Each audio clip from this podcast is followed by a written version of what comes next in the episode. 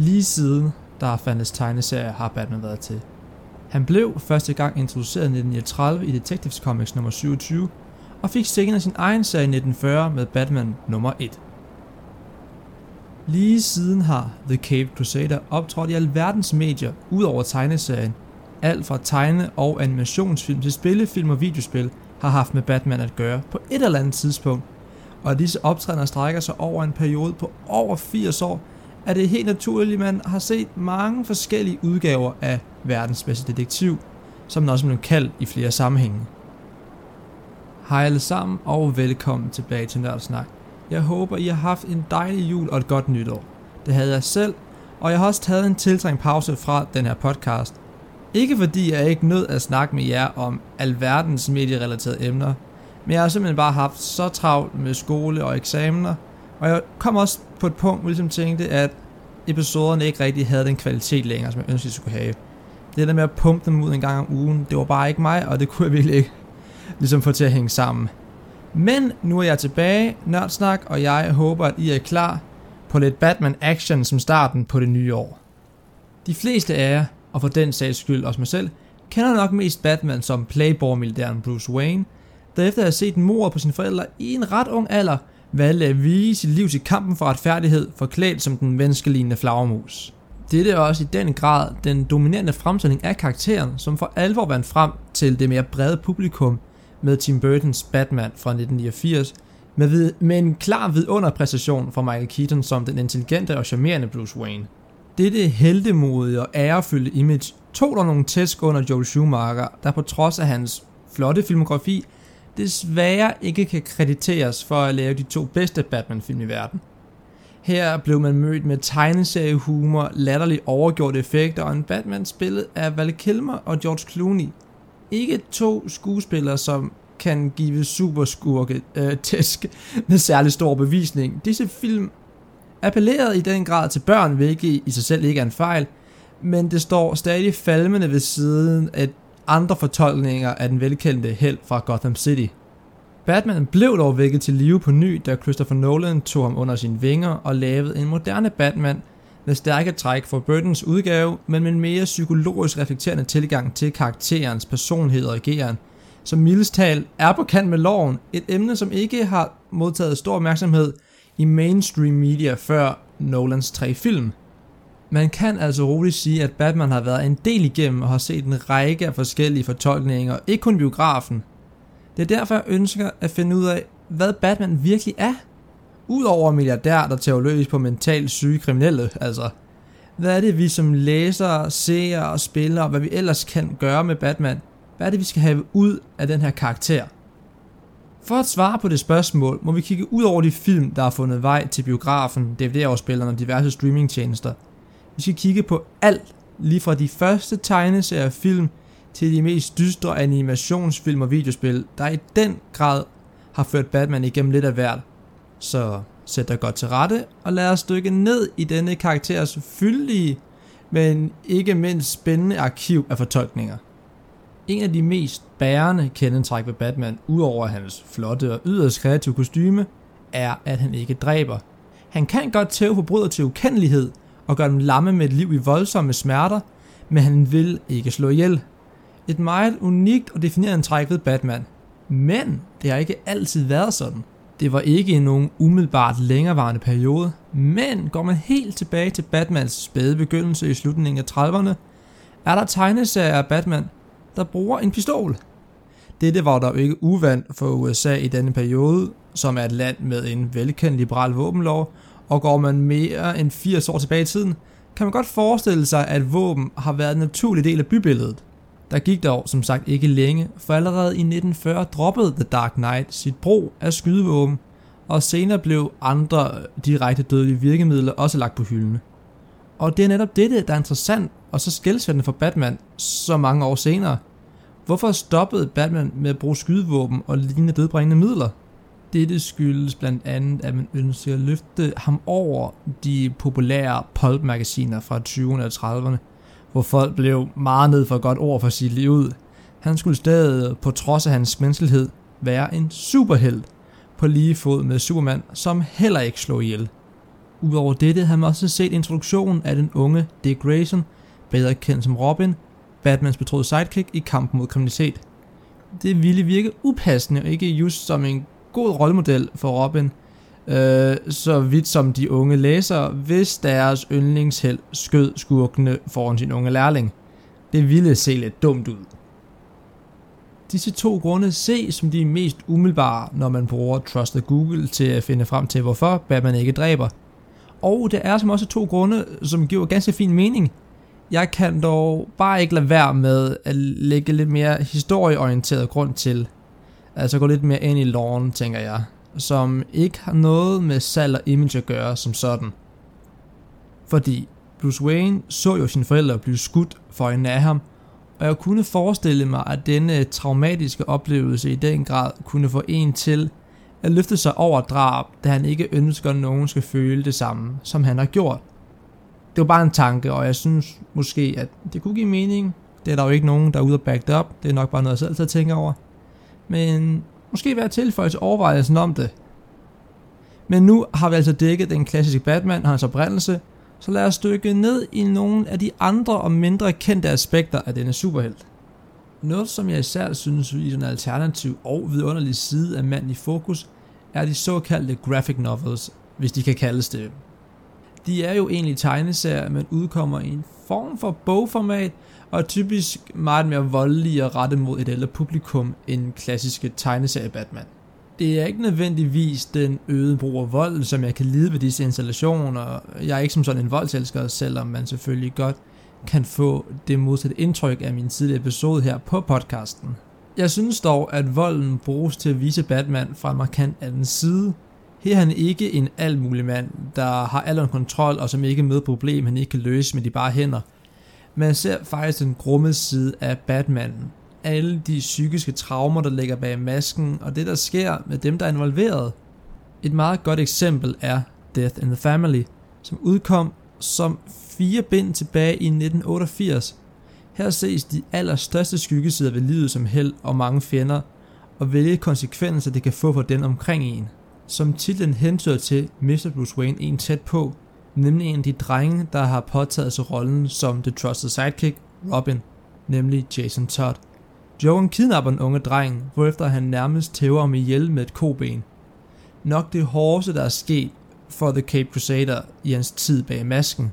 Denne mørke og dystopiske side ses også i den seneste række af Batman-udgivelser, som vil kigge nærmere på, nemlig Arkham-spilserien.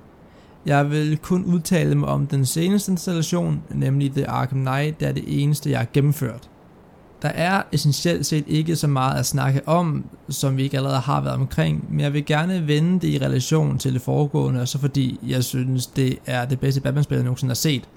Det rummer nemlig alt det, der har tidligere har defineret Batman, og blander det sammen på en måde, som jeg synes giver den mest komplette udgave af min yndlingssuperhelt. Det, det giver selvfølgelig også fin mening, da man rent praktisk har mange flere timer at gøre brug af, og så kan man ikke komme udenom, at selve spiloplevelsen bidrager med et niveau af inklusion og indgivelse, som ikke kan opnås andre steder. Hvis man rent faktisk læser det hele op, har man dette spil humor som kendt fra tegneserier, man har volden og det psykiske kendt fra de alternative bøger og novels, man har det stærke martyr-element af selvoffrelse, som især kommer frem i Nolan-trilogien, hvor Batman måske, måske ikke begår selvmord med en atombombe for at redde befolkningen af Gotham. Og så har man noget, som jeg selv synes er unikt for spillet.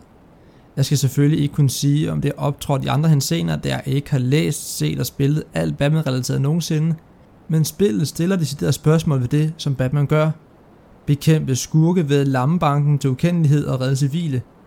Der er to aspekter den kritik. Den ene, som også er et tema i Nolans film, er hvorvidt det Batman gør overhovedet bør anses som lovligt. Hvis man skal ind til benet, så er det jo selvtægt, han har jo absolut ingen juridisk beføjelse til at handle, som han gør. Og selvom det ikke er et problem for Mark Gotham, så længe det går godt, så bliver det naturligvis et kæmpe problem, når der dør civile som resultat af Batmans handlinger.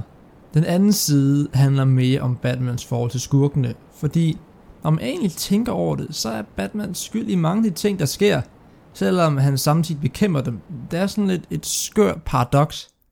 Mange af skurkene, der optræder i Arkham Knight, er kun ude efter Batman, herunder spillets hovedantagonist The Arkham Knight. Man ser også med Riddler, altså som kun er ude på bevis, at han er klogere end Batman. Og så er der jo Jokeren, som håndteres på en vidunderlig måde, som siger mere om Batman end noget andet nogensinde.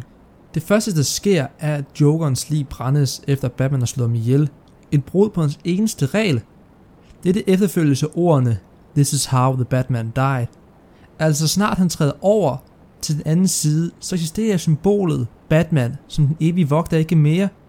Det er den ene side. Fordi det som sker som konsekvens af dette regelbrud, som siger alt, er at hele vejen igennem spillet dukker Jokeren op som en karakter, der mentalt torturerer Batman i sådan en fucked up form for PTSD. Han er flere gange tæt på at slå Batman ihjel, selvom han slet ikke findes. Han er død, brændt, borte. Men fordi Bruce er blevet så påvirket af deres kamp, og det at have slået ham ihjel, kan han have den her absurde mentale indflydelse på ham. Det er den mørkeste side, vi har set af Batman længe. Og det er en perfekt illustration af alt det nasty shit, der følger med, når man gør, som Batman gør. Det er virkelig sygt, men på sådan en mærkeligt vidunderlig måde. Altså, det, det er mærkeligt. Nå, men øh, jeg, jeg har rapplet længe nok nu om Arkham Knight. Og så igen ikke. Fordi når jeg skal prøve at komme med en konklusion på alt det her Batman, vi har været igennem, og svare på, hvad Batman er, og hvad man kan tage med fra denne specielle karakter, så kommer jeg bare helt uundgåeligt hele tiden tilbage til Arkham Knight. Og det er ikke fordi, jeg ikke kan lide alt det andet, vi har været inde omkring. Faktisk tværtimod, fordi jeg synes virkelig bare, at Arkham Knight formår at få det hele ind, og omhandle det hele og alt, der er tag af. Som sagt tidligere, det er både noget af det mere børnevenlige, som humoren og tegneserievolden, men det har også det mørke, som PTSD'en og andre negative sider af at være Batman. Og øh, det begynder virkelig at lyde som en reklame for Arkham Knight og for Rocksteady, men desværre sponsorerer de mig ikke. Men altså, det her, det er det ikke. Men jeg synes virkelig, jeg kan understrege, hvor godt det er, og det er virkelig et must-play for alle Batman-fans derude. Nå. Men hvad kan vi så sige? Hvad er Batman? Ud fra, hvad vi har fat i her, så kan jeg sige, at Batman er en hel del. Det kan vi ikke komme udenom. Men jeg synes dog, at der er en række ting, der stikker en del mere ud end resten. For mig, så er Batman den bedste held, der findes. Ikke i form af evne, fordi han er blot et menneske. Superman er stærkere end ham, Flash er hurtigere end ham, men han er det bedste eksempel på, hvad et menneske kan gøre. Ja, han har milliarder til højre og venstre, han kan bruge, men han er beviset på, hvad mennesker kan. Han er et symbol, og det er så både på godt og på ondt. Og det er netop på det onde, at Batman jo bliver interessant. Fordi ja, det er da meget sjovt at trodse overnaturlige skurke med sejt tech og asiatisk kampsport. Men det er alt efterslæbet, der gør Batman speciel. Fordi han vil gå til ekstremer. Han vil ofre sig selv for andres liv uden tøven, hvis det er det, der skal til. Han har nærmest et eller andet weird Jesus-kompleks, hvor han føler sig forpligtet til at ofre alt og give alt, hvad han har for det fælles gode, for det gode af andre mennesker. Han er næsten så ekstrem, at man praktisk talt kan sige, at han går på den tynde linje mellem godt og ondt. Du har helte som Superman og Captain America, som nærmest er indiskutable gode helte. De er rene sjæle uden noget ondt i dem overhovedet. Men ikke Batman. Det er ikke for sjov, at han hedder The Dark Knight. Han er ikke en kransekagefigur, der elsker sig folk eller hylder sig borgmester og præsidenter. Han er ham, der gør det beskidte arbejde. Han gør det, ingen andre vil, tør eller kan. Også selvom folk ikke anerkender det eller synes om det. Han vil tage skylden for at holde folkets moral oppe. Han vil gå til den længde, at det går galt. Og det er det, der gør ham genial og fantastisk fordi han er så dybt opslugt i det, han gør, at han ikke kan se, hvornår han går for langt. Han er lige så egoistisk og selvopslugt i sit arbejde, som han er ædel og retfærdig i sin tilgang. Det er skønt, og det er et fortal af helte og andre karakterer derude, der kan give dig dette, og der er ingen af dem, der kan gøre det på niveau, eller på samme niveau som Batman, The Dark Knight, The Cape Crusader, World's Greatest Detective, Bruce Wayne kan. Så der har vi det, mine damer og herrer, og hvem der ellers lyttede med. Jeg håber, at I har nyt denne episode af Nørdsnak, og I er lige så klar, som jeg er, på en masse nye episoder i det nye år. Inden vi runder helt af, vil jeg dog gerne lige spørge jer om noget. Der har længe været debat om, hvem der er det bedste Batman-Joker-par. Nogle siger, det er Keaton Nicholson, andre siger, det er Bale og Ledger, og nogen siger, det er Affleck og Leto. Okay, den sidste er ikke sand. Øh, der er ikke nogen, der siger, at Affleck og Leto er det bedste Batman-Joker-par. Men inderst inden ved vi alle godt, at Conroy og Hamill, der har lagt stemmer til næsten alt animeret siden 90'erne, er det bedste, der er derude. Så ja, det har været Nørdsnak. Min navn er Mads, og jeg glæder mig til øh, næste episode, hvor vi tager en tur til Asien for at finde det næste emne. Tak fordi I lyttede med.